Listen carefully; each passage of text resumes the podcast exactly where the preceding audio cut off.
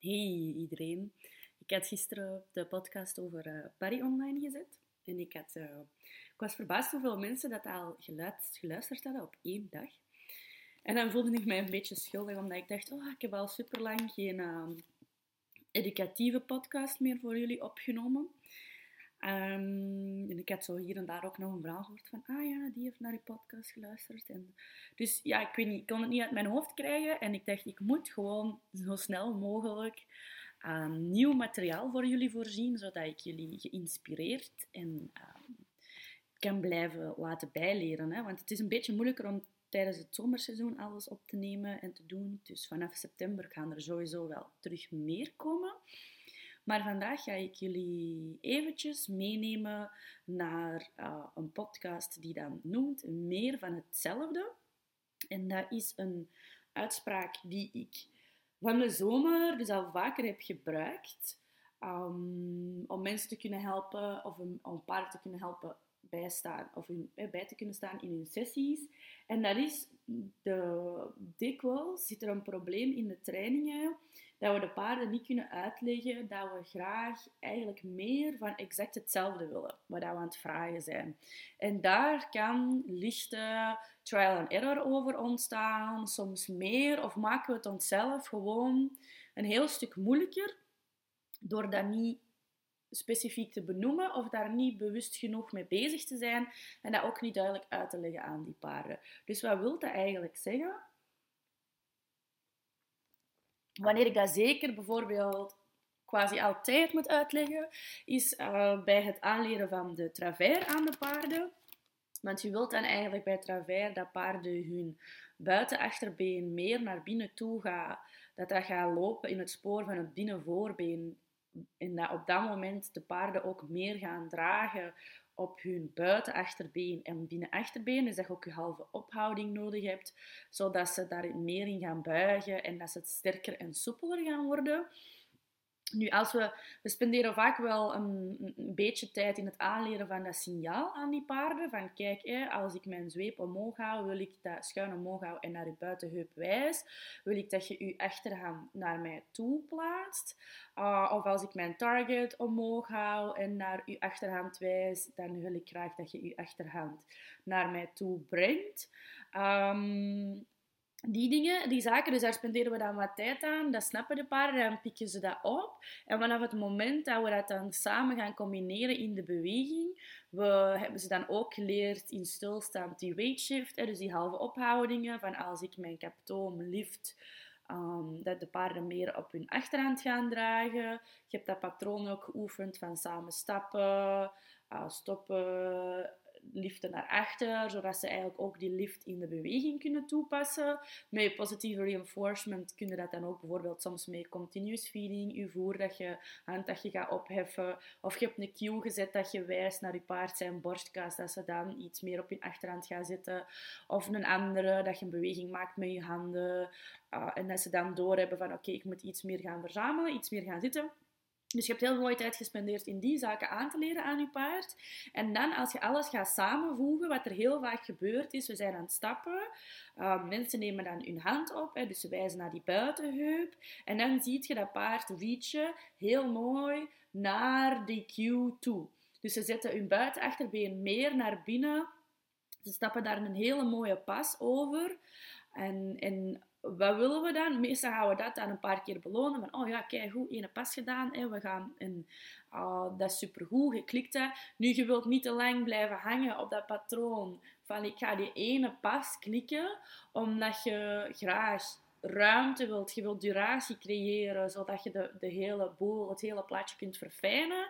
En ook dat als je te veel ene pas klikt of released, dan staan paarden zo in de niet handigste houding. Dan laat je ze daar in rust geven en dan heb je wat mogelijkheden, mogelijkheden van de garbage en de stress dat dat met zich teweeg brengt. Dus we willen dat op tijd gaan verfijnen om ook die vaste beloningspatronen te voorkomen naar meerdere passen.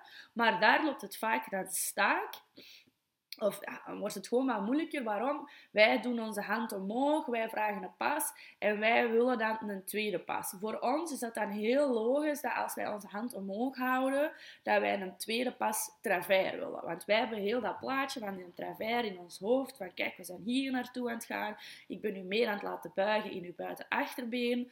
Um, zodat jij soepeler en sterker kunt worden. Maar die paarden die zitten in een continuum van zoeken in je searching mode van wat is hetgeen wat de mens van mij verwacht of waar dat hij naartoe, hè, op zoek naartoe wilt gaan om mijn, mijn rust of mijn click and tweet te krijgen.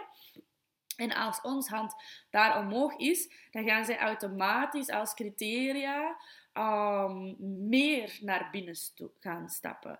Omdat zij denken van, jij, dit, hetgeen wat ik er juist heb gedaan, die ene pas, is niet meer, niet bewust, hè, want ze hebben geen woordenschat, maar dan, hè, dus die, die ene pas leidt niet meer tot die rust. Dus dan gaan ze een grotere pas naar binnen zetten. En dan gaan ze heel snel, um, escaleert dat, het is allemaal niet zo heftig, hè? ik ben zo'n beetje zware woorden aan het gebruiken, maar dan gaat dat heel snel toe naar paarden die te veel naar binnen toe stappen en daardoor over hun schouders gaan vallen, um, dan niet meer kunnen dragen op hun achterhand en dan helemaal naar binnen vallen of helemaal naar buiten vallen, waardoor dat we veel langer en veel meer trial and error aan het gebruiken zijn om die paarden mooi in die travers te krijgen, terwijl dat eigenlijk die eerste passen supergoed waren.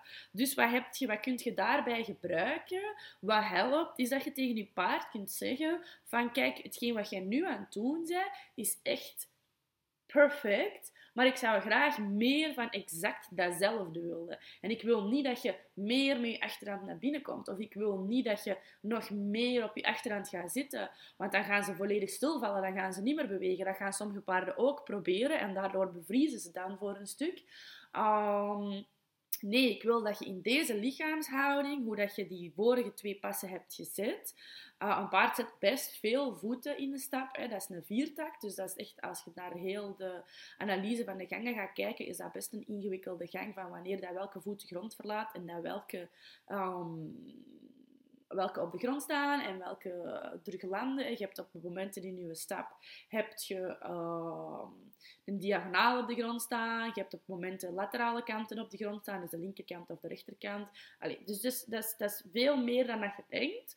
Uh, en we willen tegen die paarden zeggen van ja, ik wil graag dat je je voeten, die op zo'n speciaal ritme bewegen, uh, zo blijft verplaatst in diezelfde houding van travers zonder meer travers te geven, zonder meer te verzamelen, zonder um, te, te, weinig eh, te verzamelen en in mijn hand te duwen. Dus dat moeten we dan uitleggen. Wat dikwijls gewoon al heel veel helpt, is dat ik tegen mijn klanten zeg van, oké, uw paard is nu goed.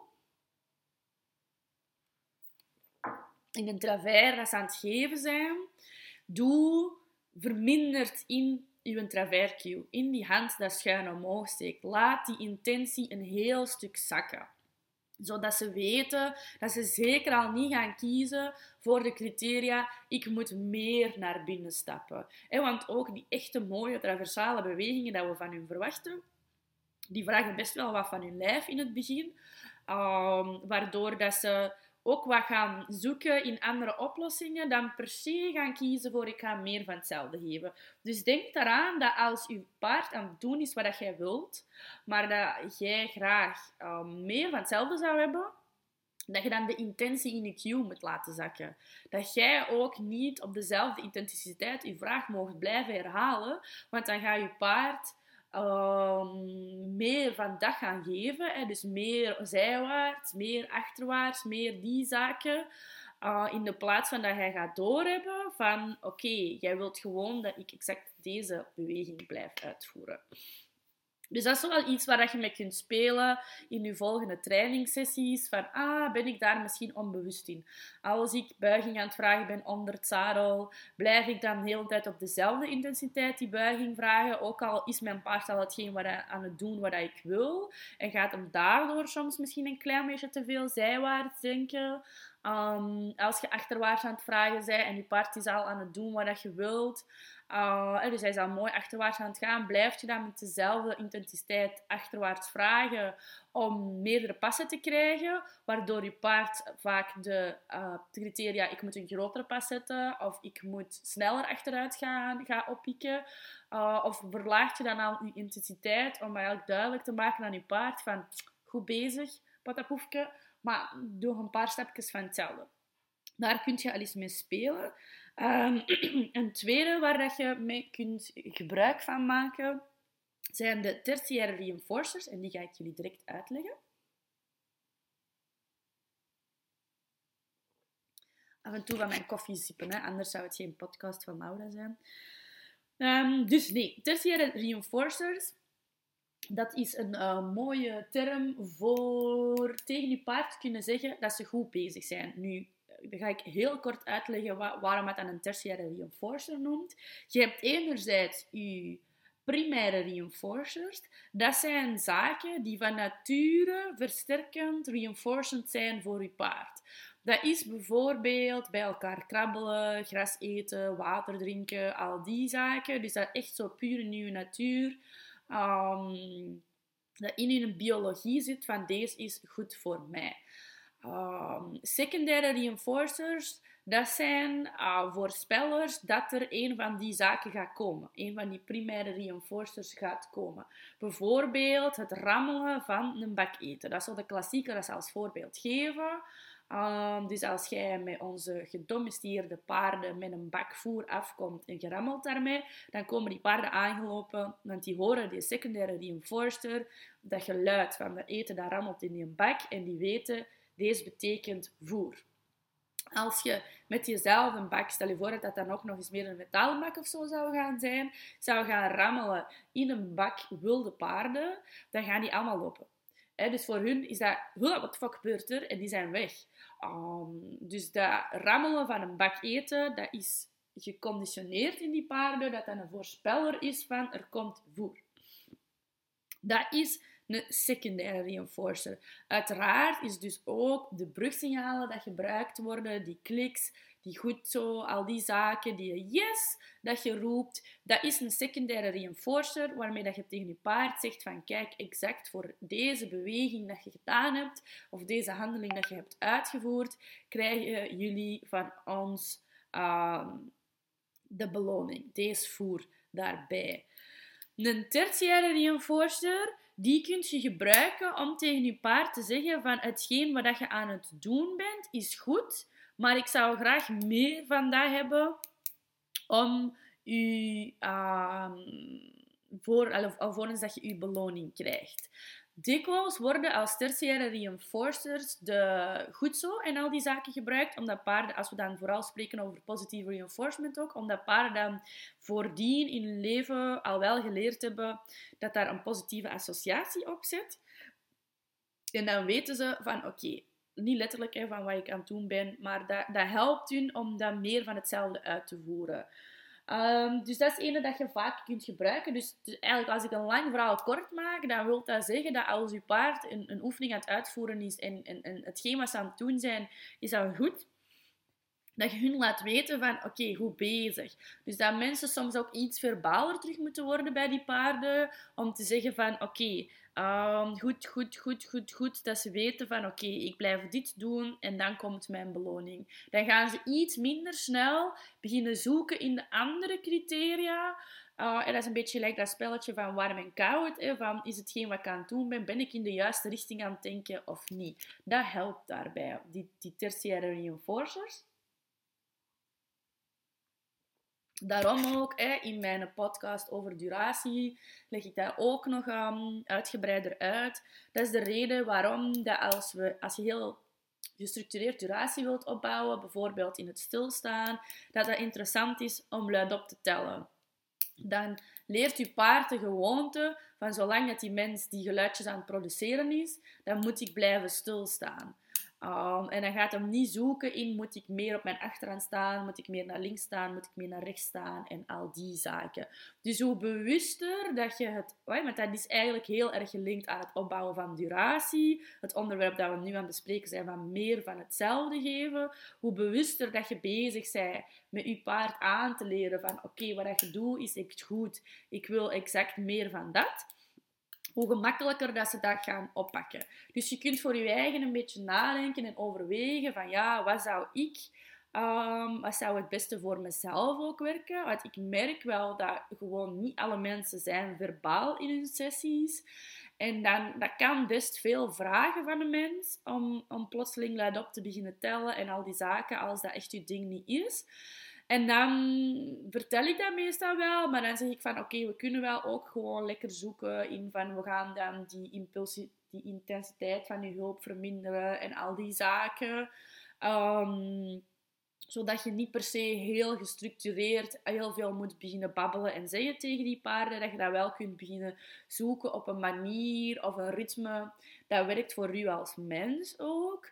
Um, maar je kunt daar dus heel goed mee spelen en dat uitbouwen. Je moet ook niet heel de tijd goed, goed, goed, goed, goed zeggen. Je kunt ook al beginnen met van oké, ik zeg dat gewoon af en toe rustig. Van oké, ja, goed. Meer van hetzelfde. Soms als je dat gewoon letterlijk zou zeggen. Oké, ja, goed. Meer van hetzelfde. Dan zeg je dat ook tegen jezelf dan gaat je dat voelen in je lichaam. En dan gaat je denken aan het feit van, ah ja, ik moet mijn cue even verlichten. Ah ja, ik moet deze even duidelijk maken aan mijn paard. En dan gaat je zo makkelijker je duratie en je continuïteit in je oefeningen kunnen opbouwen. Dus denk er eens een keer over na van oh, wat zou werken voor mij? Hoe zou ik dat kunnen doen?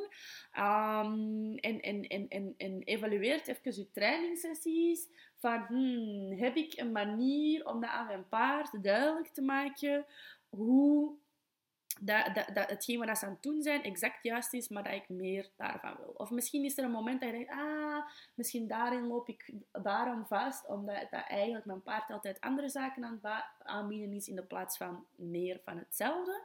Nu, moest je dat graag willen, dan wil ik daar nog wel specifiekere voorbeelden in geven van hoe bouwt je dat exact op. Um, maar wie dat nog niet gedaan heeft, dan zou ik zeker al eens gaan luisteren naar de podcast over duratie. Daar ga je ook echt wel al wat in hebben, in meer structuur, in dat opbouwen van duratie in de oefeningen bij uw paard. Zo, voilà. Ik denk dat het voor de eerste keer in mijn leven gelukt is om een korte, krachtige podcast op te nemen die um, geen 40 minuten duurt. Ik twijfel dan een beetje of het duidelijk genoeg was voor jullie. Uh, maar ik denk dat het al wel een beetje inspirerend is en dat jullie zo wel jullie sessies wat kunnen evalueren en daar verder naar kijken. En dan uh, tot snel in de volgende podcast. Hè. Doei doei!